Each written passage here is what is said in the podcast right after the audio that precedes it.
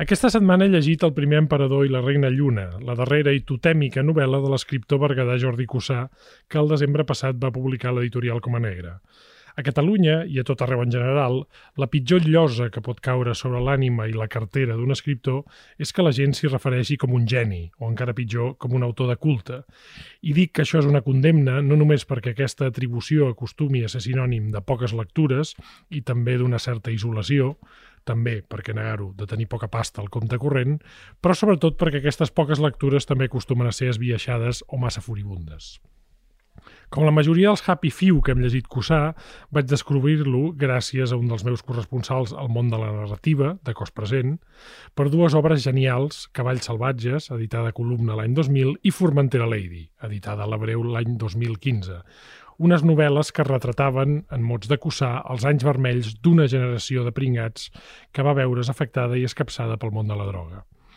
El corresponsal que em va fer llegir aquelles obres em va advertir d'un perill, i tenia raó.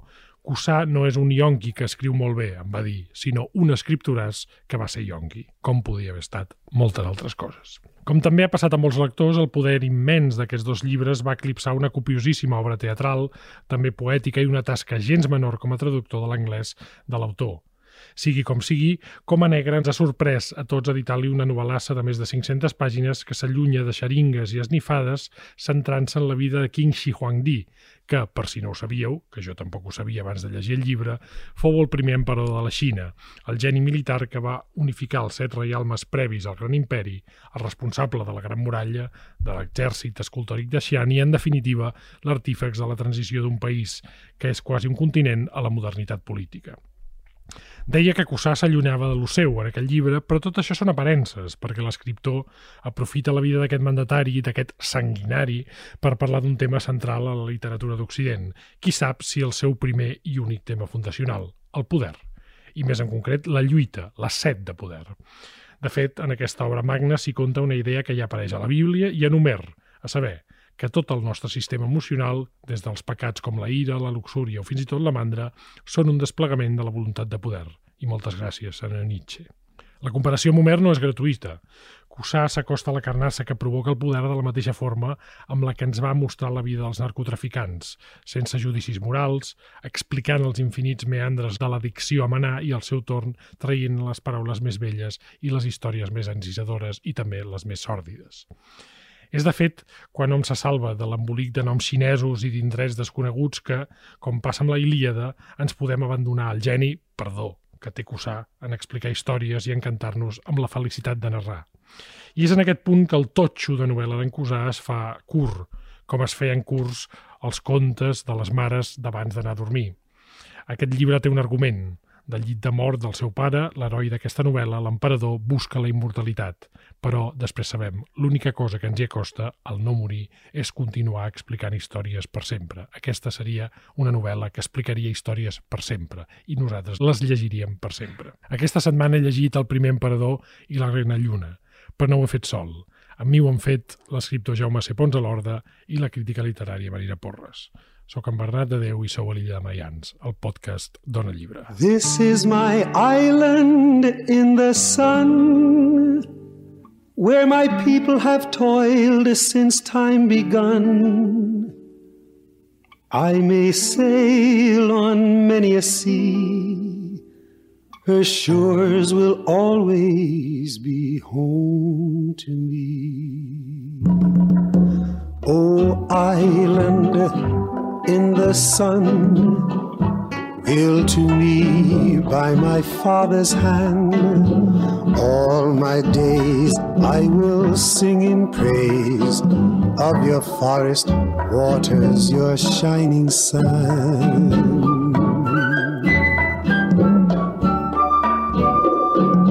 Sir James, Ué! com estàs? Marina, com va?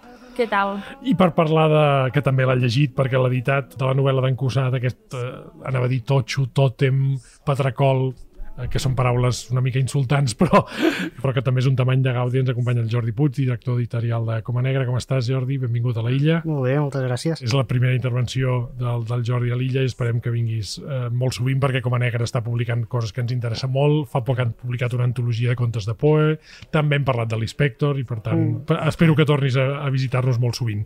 El, el corresponsal que jo citava que em va, que em va introduir en l'obra de Cussà està de cos present. I amb aquestes paraules, a més I, a més. I amb aquestes paraules. Jo sí, ja saps que sempre, encara que no ho sembli, dic la veritat, eh, que és una cosa molt mal vista en aquest país i molt perillosa, però quan em vas parlar de Cussà era un escriptor, ho he de confessar, que jo no coneixia i que per tant això pot passar a molta gent que tingui hàbit de lectura i especialment de llibres en català.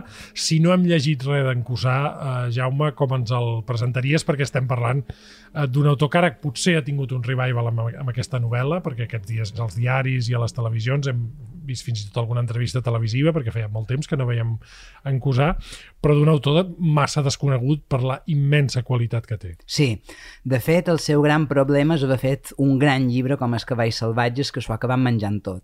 Com si això fos un problema. Eh? Com si això fos un problema, però clar, el problema són les etiquetes. I a tu quan te foten l'etiqueta de ah, és l'autor de cavalls salvatges, això impedeix que se conegui la resta de facetes. Com has dit tu, és un home de teatre i que va ser una de les persones que més va fer que aquest teatre català o el teatre internacional a casa nostra agafés una embranzida en el seu moment. A més a més, és un traductor de noms com de Lou Reed, de Patricia Highsmith, de Chuck mm -hmm. Palahniuk, d'en Truman Capote o d'en Edgar Allan Poe amb aquests contes foscos que acaba de sortir precisament a Coma Negra. És poeta, i això és una cosa que també se desconeix gairebé totalment. És contista, ha fet llibres de contes, i ara bé, anem com a novel·lista. Com a novel·lista, ah, Cavalls salvatges i Formentera d'Aidi, dues obres fantàstiques i formidables, però és que en Cussà ha tocat tots els gèneres, ha fet novel·la bèl·lica, ha fet novel·la política, conspiranoica, novel·la històrica, i precisament aquest, El primer emperador i la reina lluna podria estar molt al costat d'altres obres, com per exemple El Ciclop, que va sortir fa uns anys, novel·la mitològica, aquí també hi ha mites, o, efectivament, novel·la tipus bestseller com John Grisham, també uh -huh. ha fet una novel·la més comercial, o fins i tot obres que han agafat una espècie de, de miniculta com El noi de Sarajevo, que va guanyar el Premi al lector de l'Odissea, amb la qual cosa veiem que és un autor molt versàtil. Però, clar, Cavalls salvatges s'ha traduït en el castellà, ara eh, diuen Fum d'Estampa, a Sahalin va sortir en castellà, ara Fum d'Estampa pres ho trauran en anglès, uh -huh. Pagès Editors publicarà l'adaptació en novel·la gràfica de Cavalls Salvatges, i clar, uh -huh. això també fa que hagi tingut molta distribució.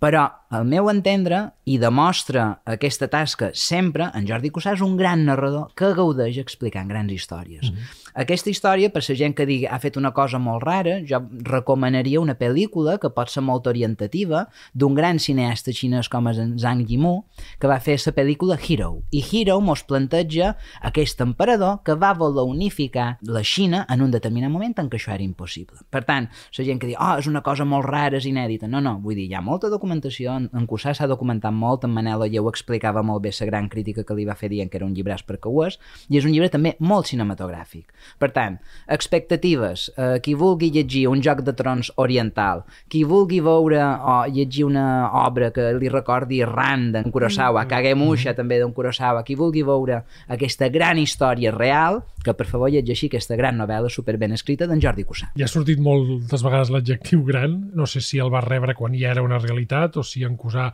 te'l va anar enviant, perquè és un llibre, diguem-ho ja, de 500 pàgines, d'aquells sí que un editorial representa un risc fer-lo, perquè els llibres grans sempre poden fer por al sempre lector, però que no hem de dir, vaja, hem de dir que no, no ha de tenir por perquè és un llibre que, i no ho dic per publicitar-lo, es fa curt perquè et vas menjant les rondalles molt ràpid. Com us arriba aquest original? Com tu havies llegit també Cussà abans, eh, el Cussà més drogadíctic, per dir-ho així, mm. i et va canviar la percepció aquest llibre? Com, quina era la, la teva relació amb l'autor?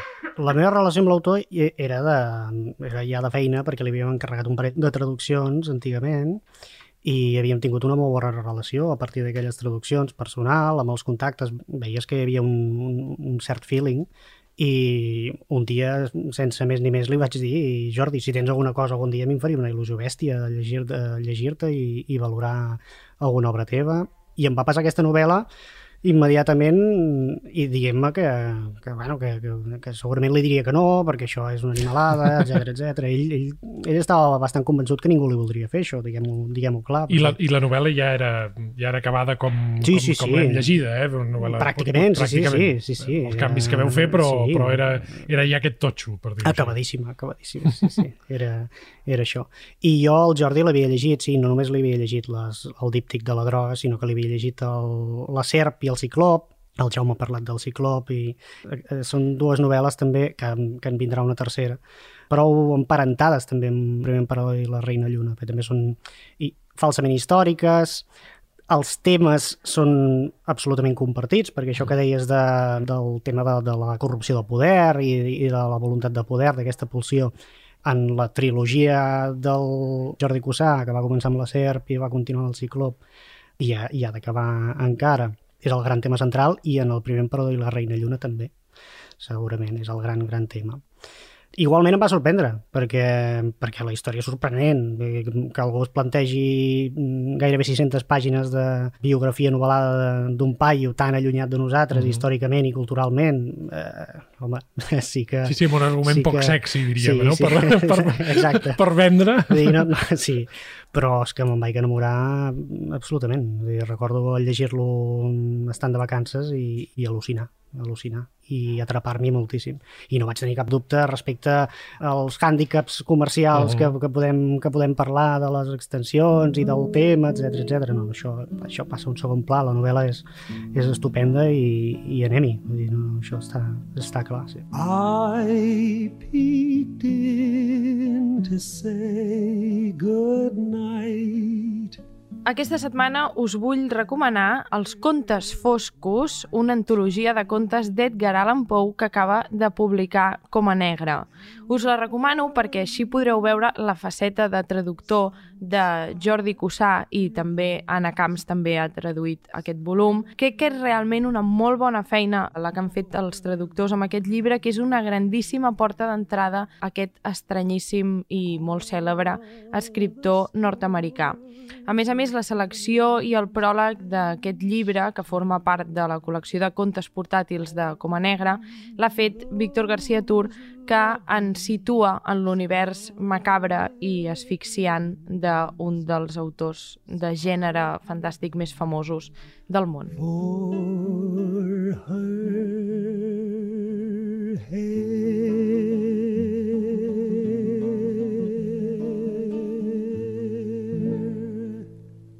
Ha sempre una cosa que es veu en els llibres del Cussà. A mi em va sorprendre justament quan llegia les novel·les més conegudes que la història dels yonquis i la història dels personatges es tracta pràcticament com si fos una tragèdia grega mm. i això ho emparenta directament aquí. De fet, és, el menys important és el que passi històricament, perquè a vegades sí que és cert que quan comences a llegir els noms et poden atabalar una mica, els noms xinesos sempre són més difícils de recordar, passa Sí. una mica com a les novel·les russes, però quan mm -hmm. et desfas d'això i eh, jo recomanaria al lector que no passa res si no te'n recordes qui és en qualsevol moment, mm. et quedes prendat per les, perquè que al final, Marina, aquest és un llibre de rondalles i d'històries i aquí és on hi ha el poder no? del, del que explica. De fet, jo crec que el, el, el poder, la set d'immortalitat i aquesta mena de força de conquesta és el que mou aquest llibre.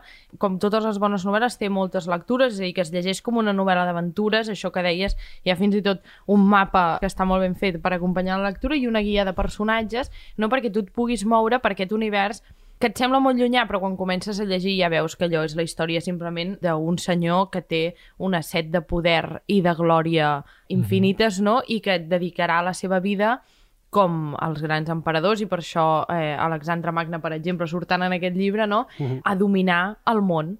I llavors la història és tot el que es troba amb, amb aquest propòsit de dominar el món, també amb la història d'aquests personatges femenins, que és la part, diguéssim, ficcionada del llibre, que d'alguna manera ens van guiant per la història. No és el tòpic de Xerezade, però en realitat no és un tòpic, sinó que està mm. ben fet aquí i funciona molt bé.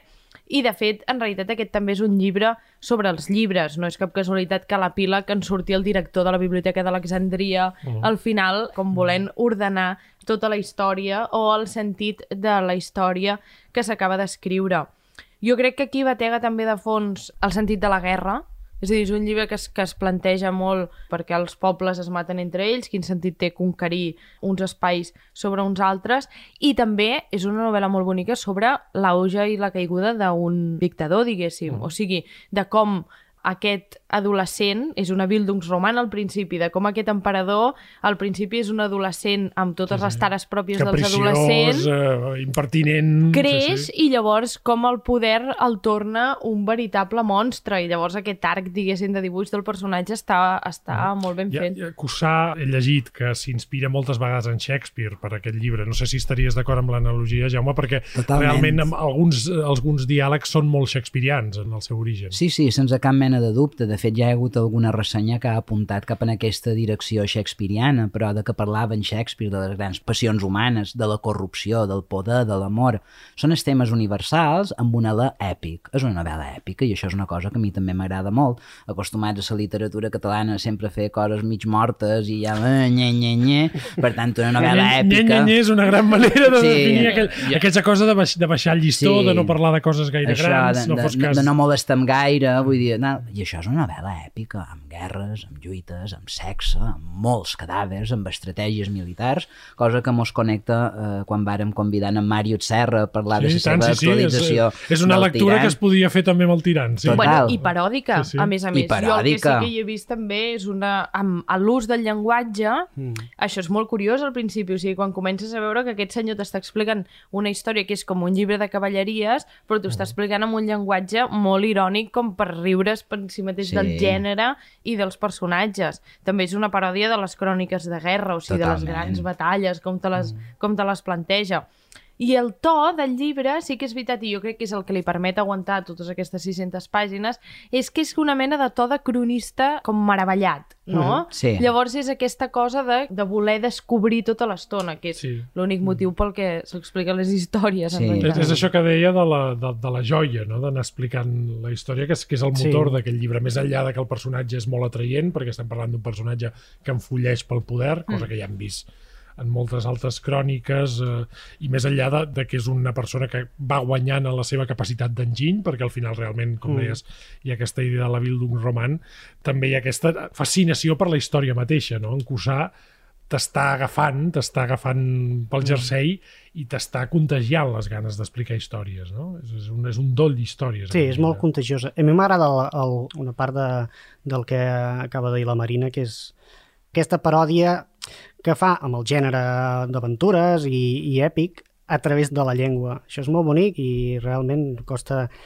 Seria bo que algú, que algú resseguís a on trenca les expectatives lingüístiques aquesta novel·la respecte al gènere o respecte al tòpic o a l'esperable. Això és molt, és molt bonic i és una cosa que, que des del primer o segon capítol, recordo uh, l'escena del segon capítol, que és una batalla que Mhm. podria ser... És una batalla llarga que podria fer un, espantar una mica el lector i dir, ostres, ara em perdo, és d'aquests d'aquests passatges en què et perds, perquè hi ha moltes ciutats i molts, i Sí, molts sí. personatges, i dius, "Ai, aquí què passa?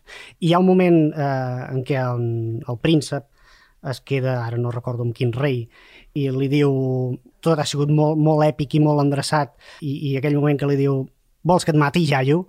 Eh, Sí, és cert, aquest, és, ja, és, aquest com, jaio. és com el primer trencament de, respecte al, al, al, al que seria previsible, d'alguna manera. No? I n'hi ha moltes d'aquestes, com aquest, aquest personatge, hi ha molta frase feta que és molt pròpia del, del Jordi, que posada en una novel·la històrica de la Xina crea un efecte molt curiós, també, i- però funciona meravellosament.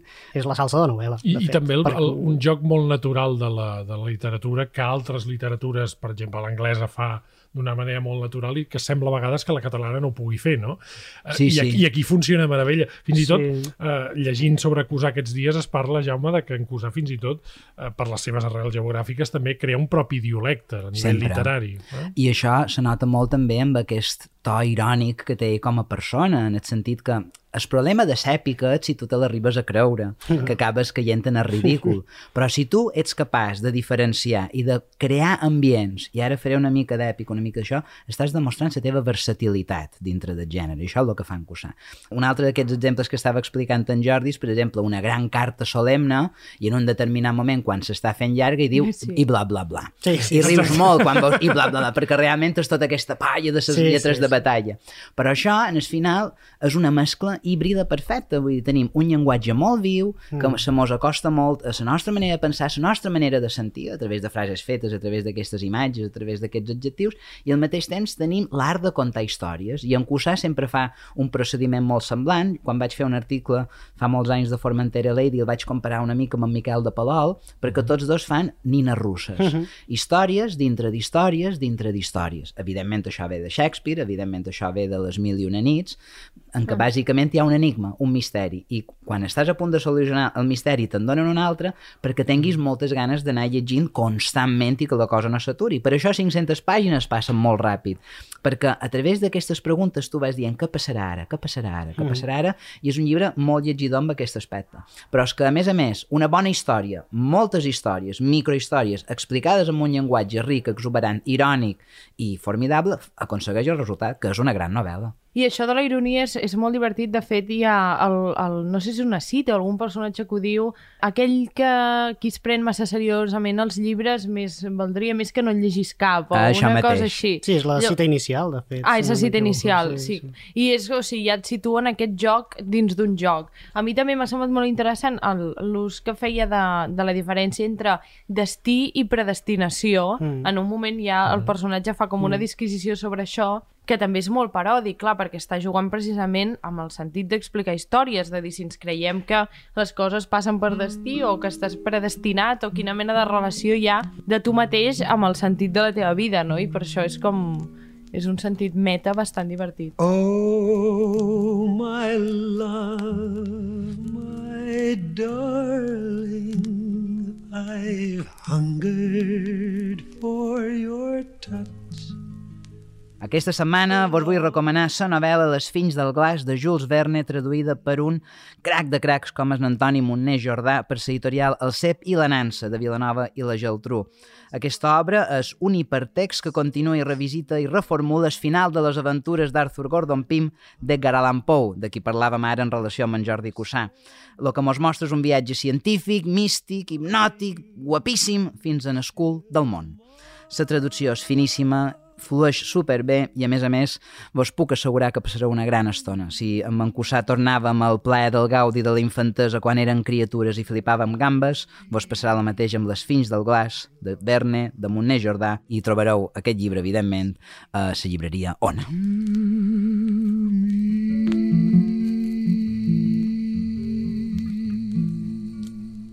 I aquesta frase que deies de l'inici de la novel·la, de fet, a mi em fa molta gràcia perquè sé que és, és una mica un dart a algunes interpretacions que s'han fet de les seves novel·les històriques anteriors, com, com Val. també ho és en part la, la seva nota inicial. Eh? El Jordi té, té, també té els, els seus eh, petits traumes en aquest sentit eh, del passat i algunes interpretacions que, que li han fet historiadors de la SERP o del Ciclop de buscar-li, diguem, la, la punyeteta, falla, sí. no? la punyeteta històrica i ell se'n fot per aquí de dir... I fa bé, "Hosti, i fa- escolta, i fa Sí, bé perquè perquè- no té cap sentit. No té cap sentit. exacte, I, i per això és, és, un, és un dart camuflat que... De fet, ja, ja la pròpia nomenclatura de novel·la històrica és una cosa que a mi sempre m'ha posat una mica de mala llet, perquè sí. la, la novel·la pot passar on sigui i el que és menys important, com dèiem, aquí són els noms, l'important són les històries que s'expliquen i aquest sentit d'ironia eh, de no creure's la pròpia èpica que s'està explicant, però el, a la vegada també atrapar-te amb aquesta èpica, perquè l'èpica és al final el que t'interessa. Com... Jo m'he sentit molt nen llegint aquell llibre d'en Cusà, Sí. Sí. perquè realment aquestes històries t'atrapen perquè són molt, molt divertides, són atraients, el personatge és un foll, però vaja, t'interessa molt de la mateixa manera que t'interessen els contes. Mos convida a l'alè genuí de quan som criatures i tenim una necessitat de sadollar-nos de, grans, de grans històries, de grans aventures, de grans personatges. És una novel·la fetal, en aquest sentit.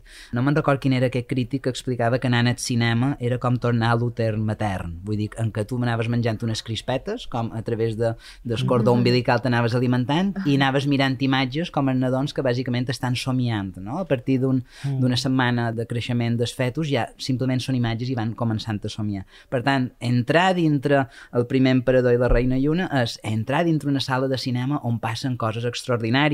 I entre aquestes històries, per exemple, un, un loco que va decidir d'un gran país dividit Sí, sí. eh, eliminar el feudalisme en el seu moment, unificar tots els regnes que estaven separats, vestir una única pàtria, tots sota un mateix cel, és la frase que se va repetint a la pel·lícula d'en Llimú i que en certa manera aquí també hi ha aquesta voluntat. Unificar l'alfabet, cosa que fa que no, no se podien entendre entre ells perquè parlaven diferents accents i aquí és on en, entra la reina Lluna com un personatge que Sí. té una facilitat d'aprendre llengües increïble i se converteix abans de ser la Ah, seva si, si, no concubina hi ha, si no hi ha codi compartit, no hi ha Exacte. poder. Clar, però és unificar les carreteres, crear l'exèrcit de Xi'an, tots tenim la imatge de l'exèrcit de Xi'an, que això va ser una volada que va tenir abans de morir, va ser que va fer els vestiments de la gran muralla xinesa, i va ser el primer gran emperador, i dius, ostres, és que el material és molt potent per fer una gran i substanciosa Sí, novel·la. sí, és un creador de símbols. Al final, el mandatari, i és, en aquest sentit és una novel·la que explica molt bé el poder, ja Hobbes, el Leviatán, diu que el primer que ha de ordir el Leviatán o el mandatari o el rei, en aquell cas,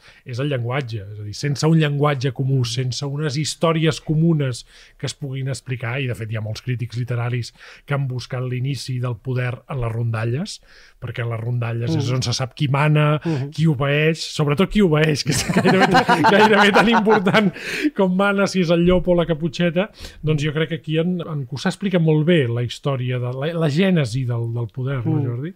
Sí, i, i a mi no sabeu com me'n fa de feliç això que dieu de, que us ha portat a la infància, perquè crec que és el que més m'han dit d'aquesta novel·la o que més he sentit i, i penso que és el, el millor que ens pot passar també com, com a editors de, defensar un llibre que la seva, la seva pedra de toc és aquesta o sigui, i la, la seva gran aportació és portar-te al plaer de la lectura més enllà de la història que explica i de qualsevol revelació intel·lectual. És, intentem entendre com està fet això perquè ens faci gaudir tant. I perseguim altres coses que ens facin gaudir d'aquesta manera. Perquè, i abans ho deies tu Bernat això en d'altres països potser es fa més. La, la novel·la i no, també m'ho ha dit al- alguna, alguna persona que es dedica això de, de vendre drets a l'estranger i de més, no? De dir, De ostres, traficar, Eh, de sí, traficar amb els a- drets a- aliens. a tra- algun, algun traficant d'aquests com, com ha dit, ostres, no, no, no tenim mostres d'aquestes eh, en la literatura catalana i és, és, un, és una alea d'aire fresc en aquest sentit. Que a més hi ha un joc amb la idea de tradició també, perquè és una novel·la que conscientment barreja molt els gèneres. És a dir, Mm. és una novel·la d'aventures, però aquí també hi ha aquesta idea de que al principi és una, una Bildungsroman, no? Després hi ha intrigues que podríem escriure quasi al gènere policíac, d'alguna manera, perquè hi ha sí. misteris. És una novel·la que en, en moltes parts també és novel·la mm, amorosa, o sigui, hi ha moltes eh, escenes d'amor, i també aquest univers de la fantasia i de... Un univers molt femení, eh? perquè són, són Sí. acostumen a ser els personatges femenins els que, els que expliquen les històries, els, Sí. els receptacles de la, de la llegenda, no? que és Mm. una cosa també és molt habitual, no? la llegenda és la... I el joc amb el, conte, el joc amb el gènere fantàstic, també, i fins i tot de terror, o sigui, com apareix la màgia aquí, com apareix el, el paper de, de la bruixa, no? Vull dir que realment hi ha com lligams amb tot de tradicions diferents. Sí, sí, per això és una novel·la que te va trencant les expectatives tota l'estona i no és habitual i també s'ha de celebrar que una editorial com Coma Negra estigui potenciant una col·lecció com narratives de relleu, que és aquesta on s'inscriu el primer emperador i la reina Lluna i on hem tingut altres llibres que orbiten també entre aquest realisme, en- entre la confessió, la salvatgia, però també la fantasia, com és el cara d'altres títols que s'han publicat aquí, com per exemple Pare de rates d'en Joan Barceló, que se va aprofitar precisament les commemoracions de l'any passat, Mudances de Gemma Cerdà, que també és un llibre molt especial, o un volum que a mi m'agrada moltíssim, que és I de sobte el paradís de na Núria Perpinyà. Estàu fent aquí un catàleg molt bonic, amb alguns noms que són fantàstics, i una de les coses que jo sempre els he dit a Coma Negra, que aquesta iniciativa de convidar tants escriptors catalans a fer una novel·la conjunta a múltiples mans, que va ser matar el monstre eh, a, a Saint de celebració de Frankenstein de Mary Shelley, a mi va semblar una cosa formidable. I és precisament aquest brou, aquest, aquest laboratori vivent, aquest convit, el que precisament permet que una literatura se pugui anar fent forta a través del gaudi, a través de la creació i a través d'una cosa molt senzilla, que és la llibertat expressiva. Part d'aquesta llibertat creativa la té la persona que, que tenim aquí al, al costat. No sé si vols comentar alguna de les coses que ha dit en Jaume, perquè clar, No, no, no. de les lluances... Les, lluan... les lluances eh, les, les agraeixo, però les driblo. diguem. no. Sí, gràcies, gràcies. Em fa pensar el que, el que ha dit la Marina també, per agafar-me això del, del, la barreja de gèneres i, i alguna aparició de gènere de terror, o el Fantàstic, us explicaria una, una anècdota que penso que és curiosa, que és que el primer emperador i la reina de Lluna eh, hi ha un parell de- d'homenatges al- als contes de Pou que surten en els contes Eh, foscos. la- I nosaltres, quan estàvem editant, que potser aquesta novel·la la vam editar fa un parell d'anys amb el Jordi, ell m'ho comentava, ah, mira, aquí hi ha, aquí hi ha un parell d'homenatges al Pou i al Pèndol i, a- i a la Casa Usher. I jo encara no tenia traductor pels contes foscos. I va ser aquell moment... Mira, ja que hi som... Ja que hi som, Jordi. I, i estava... ja el teníem triat, que la selecció la va fer el Víctor García Tur, estava... i, i estàvem pensant en traductor. I, clar, en aquell moment no, no, no vaig poder donar-li algú que no fos el Jordi, no? I va ser, va ser tancar el cercle d'alguna manera. I han sortit bastant alhora els dos llibres, no? Però podria semblar molt estrany, però en aquesta novel·la del, del primer emperador xinès hi ha un parell d'homenatges a, a, a contes clàssics. I del- per això em referia també, i és una tasca interessant a l'hora de que quan es facin tesis doctorals sobre acusar o qualsevol autor, la tasca que ha fet aquest autor com a traductor, no, Jaume? També és molt interessant. Tothom Molt, també que has traduït no és casualitat, és a dir, per desgràcia Mm. la literatura catalana quan algú tradueix un text és que no només hi té una relació comercial sinó orgànica, perquè Mm. sí que li interessa especialment, per això tenim tants escriptors que han traduït, i, i això també explica que us ha traduït molta la literatura musical, per exemple, abans ho, ho citaves, Sí, sí, sí. i això les seves, també és molt important a l'hora de llegir les seves novel·les i la seva literatura. Molt, perquè a més a més notes el seu domini lingüístic en el sentit que se pot adaptar a diferents situacions, el que ha dit na Marina, a diferents gèneres, i això només ho pot fer una persona que té molt d'ull, que té molta intuïció i que se fota a fer feina. De la mateixa manera que ell te pot traduir un conte terrorífic, gòtic, negre de na Patricia Highsmith i notes una mica aquí aquestes intrigues, aquests cadàvers aquí que se van formant, després te tradueix les lletres i poemes com, uh, complet d'en Lurrit i ho fa sempre bé. I en aquest sentit és molt llegidor. Precisament els contes foscos l'antologia que va sortir com a negra en Edgar Allan Poe també és una delícia de llegir uh, estilísticament i tu Sí, sí. i tornes cap en aquest gaudi i és que moltes vegades s'entén la literatura que ha de tenir una funció social i no, no ha de tenir una funció social la literatura ha de tenir Com si, moltes perdona, com, si el, funcions com si el Gaudi no fos una funció social. Ah, Exacte, sí, sí. però això és el que jo sempre dic Jo que- diria que la màxima funció social. però jo, això, Gaudi, sí. això és el que jo sempre dic, que la positivitat i l'eufòria estan infravalorades. Vull dir, no, la felicitat està infravalorada. No, no, no, al I, contrari. I sobretot la, la, la impostura de l'excessiva reflexivitat està sobrevalorada. i- i- i la solemnitat. més, I en aquest país especialment. Totalment, Eh? i la solemnitat, no, ha de, han de fer una cosa seriosa, l'han de fer aquí i tal, vull dir, no, no, al contrari, vull dir, perquè és precisament des d'aquest joc on podem fer grans coses. I, i, i per això jo sempre he dit que no hem de llegir ni Cavalls salvatges ni Formentera Lady com l'únic llibre d'en Cussà, i per això jo te vaig dir la frase, no, no, no és que sigui un yonqui que ha escrit això, no, no, és que era un escriptor, un escriptoràs que durant una època va ser yonqui i ja està, i això és, és una manera també molt, molt bona d'entrar. Per tant, a mi m'agradaria que les persones que mos escoltin i que no han lle- llegit Cussà, per favor, que comencin pas que sigui, perquè trobaran un gran narrador. Però aquelles persones que només s'hagin quedat amb el díptic de la droga, com és Cavalls salvatges i Formentera Lady, que llegeixin el primer emperador i la reina Lluna i que trobin aquesta possibilitat de canvi de registre i ja no podran deixar de llegir. Sí, sí, ho recomanem i agraïm molt a, a l'editorial que l'hagi publicat perquè, Jordi, com dèiem, és, és sempre un risc, un risc que no sé si està anant bé, em sembla que... Sí, Bé, però... Suposo que després també d'aquesta illa de Maians eh, tindreu vendes Això- milionàries, es és a dir, ja pots anar preparant, Ara- ja pots anar preparant reimpressions. Ara ja perquè... vaig tranquil, perquè això es dispararà. No, sí, estem prou contents. Estem prou contents sobretot, principalment, perquè s'està comentant, s'està llegint, s'està celebrant el, el Jordi més enllà del díptic de la droga, com deia el Jaume, i aquest era un, era un dels principals. Era, L'obsessió era aquesta. I jo amb el Jordi li, li, li vaig dir, amb totes les converses que vam tenir, farem tot el possible perquè passi això. Uh -huh. I això una mica està passant. Doncs perquè passi això, que, passat. que, que, surtis, que surtis de les dues novel·les de la droga.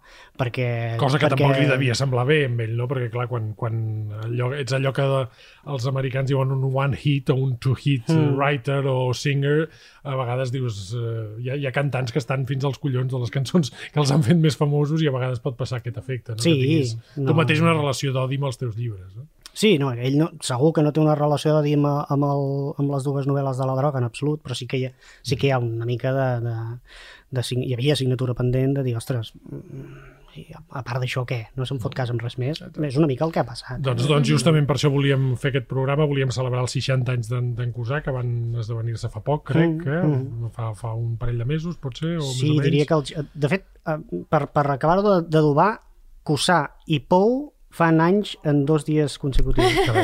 és, és, que si no m'equivoco és 18 i 19 de gener. Sí, sí. És, Està molt bé. és una No, no sé si, si uh, ara que, que tens presoner en cursar amb aquesta novel·la aprofitareu per editar més coses o si té algun inèdit Mm. uh, que ens puguis avançar que es prepara alguna cosa. Uh, hi, ha el, hi haurà més cursar com a negre, que és Sí, cosa que ens, sí. ens agradaria molt. Sí, sí, hi haurà més que usar. De fet, la, la tercera novel·la de la trilogia que us parlava abans la farem nosaltres i començarem a treballar aviat, el que passa és que encara hi deixarem cert marge perquè l'emperador ha, de- córrer molts quilòmetres encara. Però sí, hi haurà més usar, segur que farem més traduccions, amb el Jordi ens portem molt bé, ens entenem molt i, i farem més coses segur. Sí, sí. Doncs esperem que aquesta relació sigui molt, molt fructífera i ja saps que aquí hi tens una, una casa, que a la illa sempre s'hi està bé. De luxe. hi ha palmeres per, que et fan una ombra molt agradable i també eh, algun dia, per què no, que, que vingui l'autor i així en parlarem amb ell de, de tota la seva obra perquè eh, és d'aquells autors que marxarien un dia, Jaume, de marató, d'una marató cussà, d'un programa de 12 hores i que anéssim passant els cussanistes catalans, perquè n'hi ha, eh? És a dir, eh, no és un autor molt famós, però sí que té lectors molt, molt, vaja, molt furibuns, eh? T'agafo la paraula i abans que acabi el 2021 hem de fer dues maratons. Sí. Marató Proust i Marató Cussà. La Ah, que sí, Anem Marina? sumant, anem sumant maratons, I, i, i, i, i fixa't que la de Proust vaig dir 24 hores, ara, ara he retallat una mica, he dit 12 hores de cursar, perquè, perquè si Proust de 24 hores podem acabar tocats, amb 12 hores de cursar ja ja n'hi ha prou. Jordi, moltes gràcies de veritat. Moltes gràcies I vosaltres. Marina, Jaume, ens veiem d'aquí una mica. Un plaer. Your lover, see through. On my Coney Island, baby, now.